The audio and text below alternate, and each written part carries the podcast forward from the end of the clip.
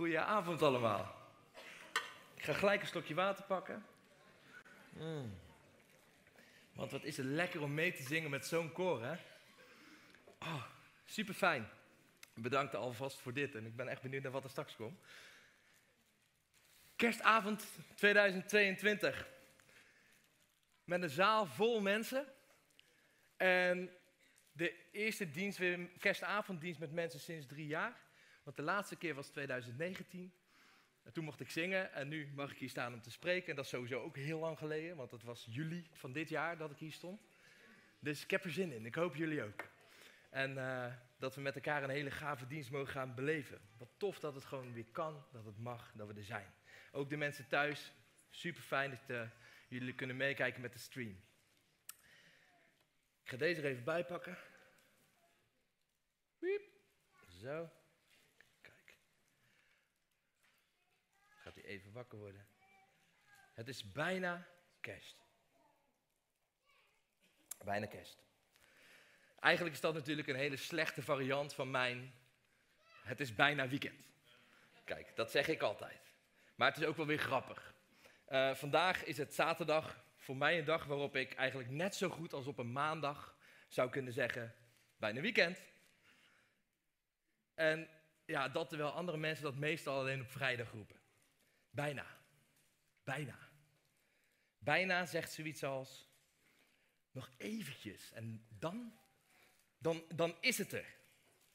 Bijna weekend, bijna kerst. Het is denk ik alweer zo'n twee jaar geleden dat ik heb uitgelegd wat bijna weekend betekent. Want heel veel mensen vragen dat dan. Waarom bijna weekend? Waarom zeg je dat elke keer? waar het vandaan komt, hoe het is ontstaan en dat ik er echt niks aan kan doen. Zijn er toevallig nog mensen die weten hoe dat zat? Het is echt een tijdje terug. Nee? Ja, één vinger, ja, ik zie er. Zijn er een aantal die het weten, maar nog veel te weinig. Ik ga het er nog één keer vertellen. Eén keertje. En daarna kom ik er hier in elk geval nooit meer op. Althans, ja, dat kan ik niet met zekerheid beloven. Maar de kans is groot dat ik er in elk geval de komende twee jaar dan niet op terugkom. Het was vrijdagmiddag. Ik was militair. En vrijdagmiddag was natuurlijk een chille middag. Want dan mochten we, na het eindappel, weer naar huis. Om een paar dagjes lekker thuis te genieten van vrienden, familie en allerlei afspraken waar je door de week niet aan toe kwam omdat je 100 kilometer verderop op een kazerne woonde. Het was bijna weekend. We stonden klaar voor het eindappel en op het moment, ja, op dat moment moet ik zeggen, was dat een periode waarin we niet in uniform mochten reizen. Dus we hadden ons allemaal netjes omgekleed in ons burgertenu. En alles was opgeruimd en schoongemaakt. En we waren klaar om naar huis te gaan. Lekker. Maar toen kwam de ritmeester. Hij zegt, mannen, het weekend is een hinderlijke onderbreking van de werkweek. Kleed u zich maar weer om. We gaan door. We hadden 15 minuten om in uniform, bepakt en bezakt, klaar te staan en om het bos in te gaan voor een onbepaalde tijd. Even naar huis bellen zat er niet in, dat was niet helemaal de bedoeling. Gewoon doorgaan en hopen dat het maar voor een uurtje was of zo. We gingen het bos in en helaas kwamen we er geen uurtje later weer uit, maar anderhalve dag later op zondagochtend. Zondagochtend vroeg, helemaal gebroken, maar we mochten omkleden en naar huis. En we hadden nog een kleine hoop dat we misschien ergens op een dinsdag of een woensdagochtend pas weer een keer moesten melden. Maar dat was een slechts een droom die niet uitkwam. Nee, maandagochtend half acht was er weer appel en moesten we er weer zijn. Dat was een kort weekendje, zo'n 15 uurtjes. Maar goed, het was bijna weekend. En maandags voor het appel was het ook bijna weekend. En maandagmiddag was het weer bijna weekend. En zo ontstond er al snel binnen het peloton eh, de kreet bijna weekend. En niet omdat we ons werk niet leuk vonden. En niet omdat we er per se aan toe waren. Maar gewoon omdat we toch niet zeker wisten of en wanneer het dan weekend zou zijn. Het werd elke dag een keer of twintig geroepen. En dat is er zo ingesloten, ingesleten, bijna weekend, dat ik nu zo'n twintig jaar na dato het nog steeds elke dag een keer of twintig zeg. Of het nou maandag is, dinsdag, vrijdag, zaterdag of zondag. Het is bijna weekend. Ik zei het zo vaak dat Dennis op een gegeven moment zei: bijna kerst. Ja, kijk, ja, bijna kerst. Dit is dit, is dit jaar, zeg maar, het, bijna kerst is het beetje het basisthema van onze kerstdagen. Bijna. Tot nog, nog heel eventjes en dan, dan is het er. Dat hopen we en daar kijken we naar uit. Bijna. Bijna. Laten we lezen uit een profetie van Jezaja, een bekende profetie. Uh, als het gaat om verwachting, hopen en uitkijken naar. We lezen Jezaja 9, vers 1 tot 6. Het volk dat in duisternis ronddolt, ziet een schitterend licht. Zij die in het donker wonen, worden door een helder licht beschenen. U hebt het volk weer groot gemaakt. Diepe vreugde gaf u het. Blijdschap als de vreugde bij de oogst. Zij jubelen als bij het verdelen van de buit. Het juk dat op hen drukte, de stok op hun schouder, de zweep van de drijver. U hebt ze verbrijzeld, zoals Midjan destijds. Iedere laars die dreunend stampt en elke mantel waar het bloed aan kleeft, ze worden verbrand, een prooi van het vuur. Een kind is ons geboren, een zoon is ons gegeven. De heerschappij rust op zijn schouders. De namen, deze namen zal hij dragen. Wonderbare raadsman, goddelijke held, eeuwige vader, vredevorst. Groot is zijn heerschappij. Aan de vrede zal geen einde komen. Davids troon is erop gebouwd. En rijk zijn erop gebouwd. Ze staan vast in recht en gerechtigheid. Van nu tot in eeuwigheid. Daarvoor zal hij zich beijveren.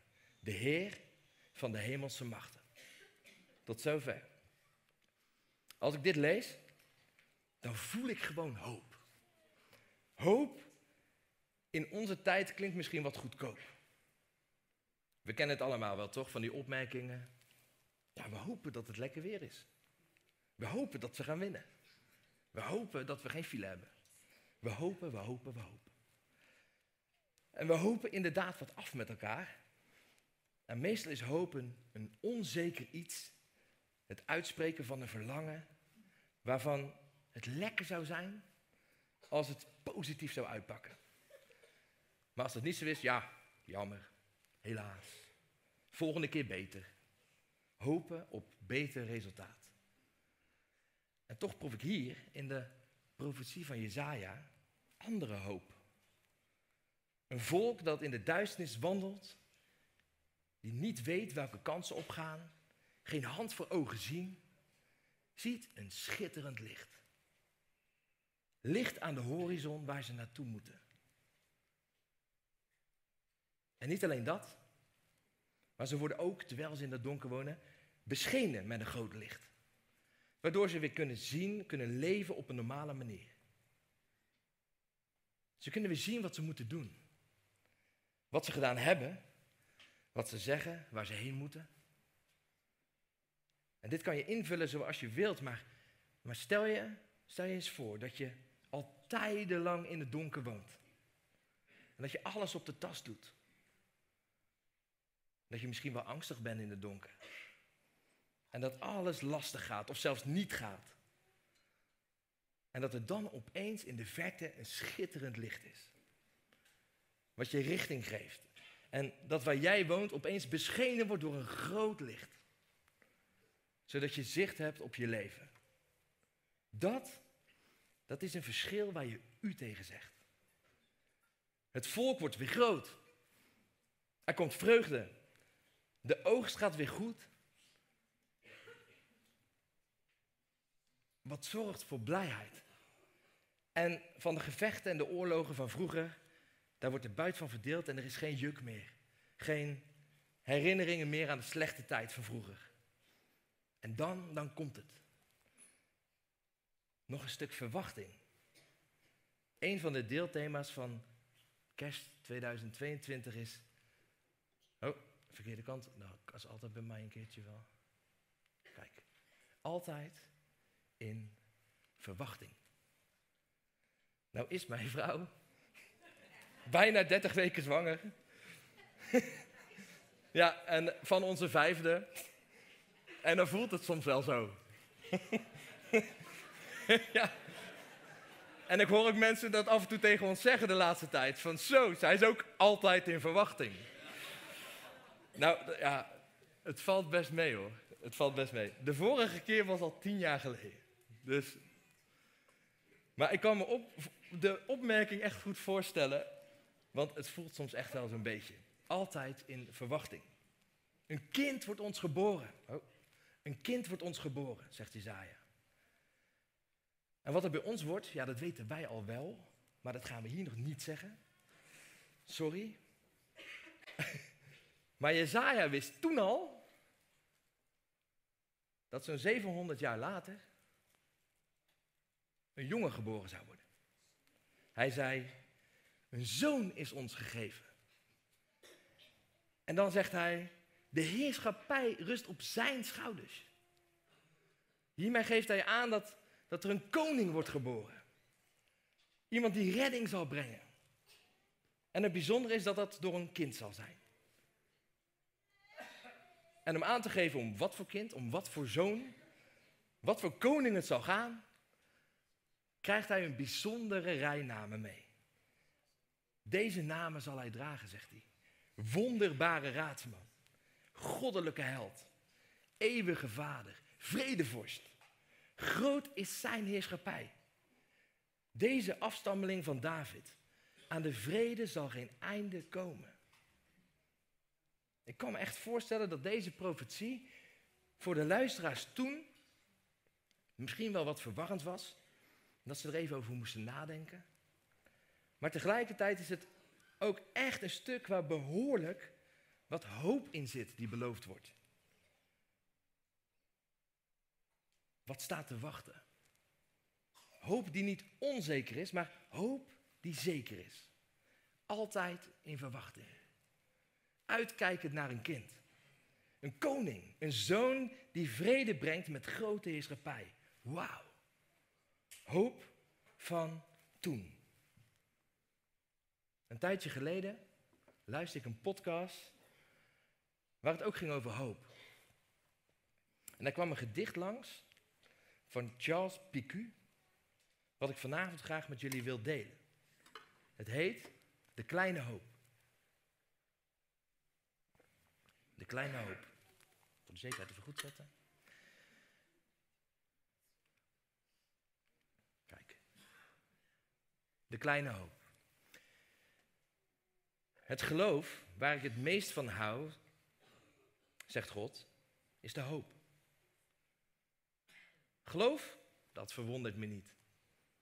Ik ben overal zo zichtbaar aanwezig. In de zon en de maan en de sterren aan de hemel. En het gewemel van de vissen in, de rivieren. En in alle dieren. En in het hart van de mens, zegt God. Dat het diepste is en het meest in het kind dat het liefste is dat ik ooit heb geschapen. In alles wat boven en onder is, ben ik zo luisterrijk aanwezig dat geloven, zegt God, in mijn ogen geen wonder is. Ook liefde verwondert me niet, zegt God. Er is onder de mensen zoveel verdriet, soms niet te stelpen. Dat je toch vanzelf ziet hoe ze elkaar moeten helpen. Ze zouden wel harten van steen moeten hebben als ze voor één die tekort heeft het brood niet uit de mond zouden sparen. Nee, liefde, zegt God, dat verwondert me niet. Maar wat me verwondert, zegt God, is de hoop. Daarvan ben ik ondersteboven. Ze zien toch wat er in de wereld allemaal omgaat en ze geloven dat het morgen allemaal omslaat. Wat een wonder is er niet voor nodig dat zij dat kleine hoopje hoop nooit als overbodig ervaren, maar met voorzichtige gebaren in hun hand en in hun hart bewaren. Een vlammetje dat keer op keer weer wankelt en dreigt neer te slaan, maar altijd weer op weet te staan en nooit wil doven. Soms kan ik mijn eigen ogen niet geloven. Geloof en liefde zijn als vrouwen. Hoop is een heel klein meisje van niks. Ze stapt op tussen de vrouwen en iedereen denkt, die vrouwen houden haar bij de hand. Die wijzen de weg. Maar daarvan heb ik meer verstand, zegt God. Ik zeg, het is dat kleine meisje van de hoop. Dat al wat tussen mensen leeft en al hun heen en weer geloop licht en richting geeft. Want het is dat kleine meisje van hoop. Je ziet het zwak zijn, bang zijn, beven. Je denkt soms dat het zo onooglijk is. Het is dat kleine meisje van de hoop dat de mensen zien laat, zien soms even wat in het leven mogelijk is. Het geloof, zegt God, waar ik het meest van hou. De liefde, waar ik het meest van hou, is de hoop. Geloof, dat verwondert me niet. Liefde, dat is geen wonder. Maar de hoop, dat is bijna niet te geloven. Ik zelf zeg God, ik ben er van ondersteboven. Wat een mooi beeld, hè? Twee vrouwen die geloof en liefde zijn, met daartussenin een klein meisje, de hoop. Als je dat zo op een afstandje bekijkt, dan, dan lijkt het net alsof dat kleine meisje van de hoop vooruit wordt getrokken door die twee vrouwen, geloof en liefde. Maar als je goed kijkt, is er niets minder waar. Het kleine meisje van de hoop trekt die twee vrouwen, geloof en liefde, vooruit. Ze hebben de hoop nodig om verder te kunnen. Ik moest denken aan een tekst van Paulus. Paulus zegt natuurlijk in, in 1 Korinthe 13, vers 13. Nu blijven dan geloof, hoop en liefde. Deze drie. Maar de meeste van deze is de liefde. En dat klopt ook. De liefde is een grote vrouw. En de hoop is maar heel klein. Maar wat, maar wel ontzettend belangrijk. Ik zei ooit tegen mijn kinderen: als er geen hoop is, dan is het klaar. Ja. Dankjewel. Helemaal top. Is die McFlurry weer verdiend, hè? Nee.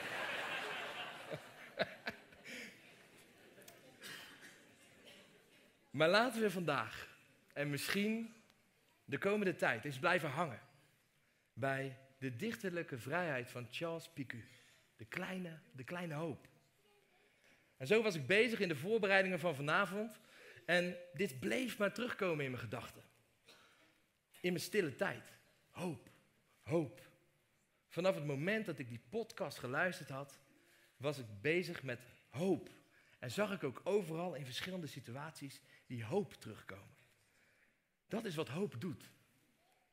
Ik moest aan Jezus denken. Geboren als een koning. Als een redder, een verlosser. Maar zo klein als een baby. Wat nou als we Jezus, baby Jezus, zien als het kleine kindje van de hoop? Jezus als hoopbrenger. Jezus als hoop van de volken. Geen goedkope, zoetsappige positiviteit, maar een brengen van hoop in een leven waar lijden niet weggeveegd wordt. Jezus die als koning geboren is in een stal. Jezus die in de voerbak van de dieren lag. Jezus die direct na zijn geboorte moest vluchten voor zijn leven. Jezus de lichtbrenger. Je kan zoveel zeggen over Jezus. Maar als Hij het, kleine kindje van de hoop is, dan kunnen we Hem dus zien in zoveel verschillende situaties. Van ons eigen leven, van het leven van collega's, van vrienden, van familie, van je eigen gezin misschien. We hebben geloof en liefde. Allebei grote dingen. En dan is daar het kleine kindje van de hoop. Het grote geloof en de grote liefde worden vooruitgetrokken door de hoop. Door het kleine kind van de hoop. Dat hebben we echt nodig. Voor elke dag een beetje hoop. En dat is Jezus. Hij is gekomen als hoop. Jezus. Hij is er om recht te brengen. Hij is de wonderbare raadsman. We mogen vragen om zijn wijze raad. Hij is de goddelijke held. Hij werd mens. En hij deed ons het leven voor. Hij als eeuwige vader, die was, die is en die komt. Hij als vredevorst, de koning van de vrede, gekomen om vrede te brengen. Dat is de hoop van nu. Jezus is geboren en vanaf dat moment is de belofte ingelost. De belofte van hoop, zoals we lazen in Jezaja. Maar ook zoals we misschien soms wel merken in ons leven. We hebben hoop nodig. Sterke hoop. We mogen weten dat Jezus die beloofde hoop is. Jezus, de beloofde hoop van toen, van nu en van de toekomst. Jezus als kind van de hoop, die leeft in ons hart. Die met ons meegaat in ons leven. Straks met ons meegaat naar huis. Met de kerstdagen is hij erbij. Het gaat tenslotte om hem. En hij is er in alle momenten. Ook de momenten die niet te begrijpen zijn. De momenten dat je even niet weet hoe je verder moet. Dat je niet over die puinhopen heen kunt kijken. Dat je niet begrijpt waarom het jou overkomt of die persoon waarvan je houdt. Jezus als kind van de hoop, die niet doet alsof het lijden er niet is. Maar die er wel is in het lijden. Door het lijden heen. Hij is gekomen. En daar mogen we deze kerst opnieuw aan denken.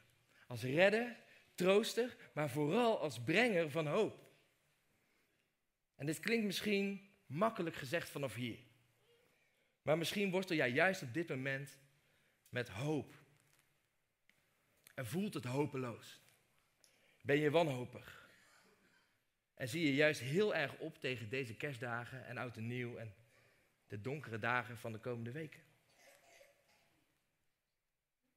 Dan zie je om je heen de vrolijke, mooie lichtjes en mensen. En voel je je wegzinken als die man op het plaatje.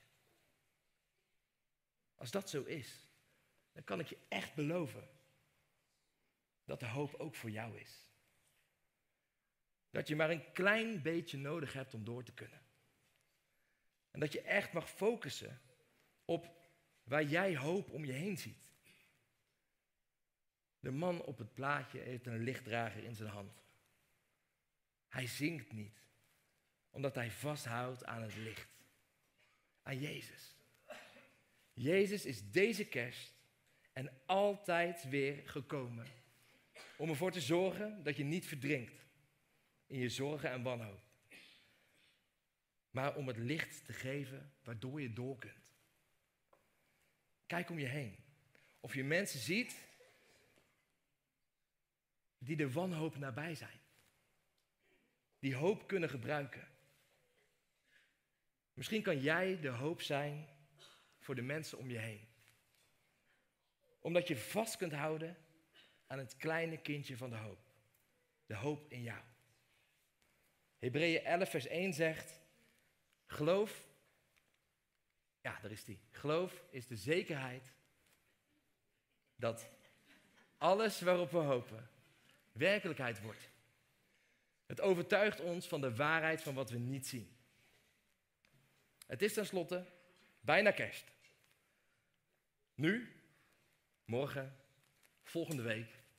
Oftewel, het maakt eigenlijk helemaal niet uit of het vandaag kerst is, morgen of over een maand. De hele tijd dat ik met hoop bezig ben, resoneert deze tekst in mijn hoofd. Dus hoop vooral. Wees niet te zuinig met je hoop. Hoop is goed. Hoop doet leven. Altijd in verwachting. Doordat de belofte van de hoop ingelost is door de geboorte van Jezus. Ik wil deze tekst afsluiten, deze preek afsluiten met een tekst van Paulus. Uit Romeinen 15, vers 13. God geeft mensen nieuwe hoop en verwachting. En ik bid dat Hij jullie zal vullen met pure blijdschap en vrede door jullie geloof. Dan zullen jullie door de kracht van de Heilige Geest steeds sterker worden, zodat jullie kunnen volhouden. Het is bijna weekend. Het is bijna kerst. Altijd in verwachting. Door de beloofde hoop. Daar is hij. Jezus. Amen.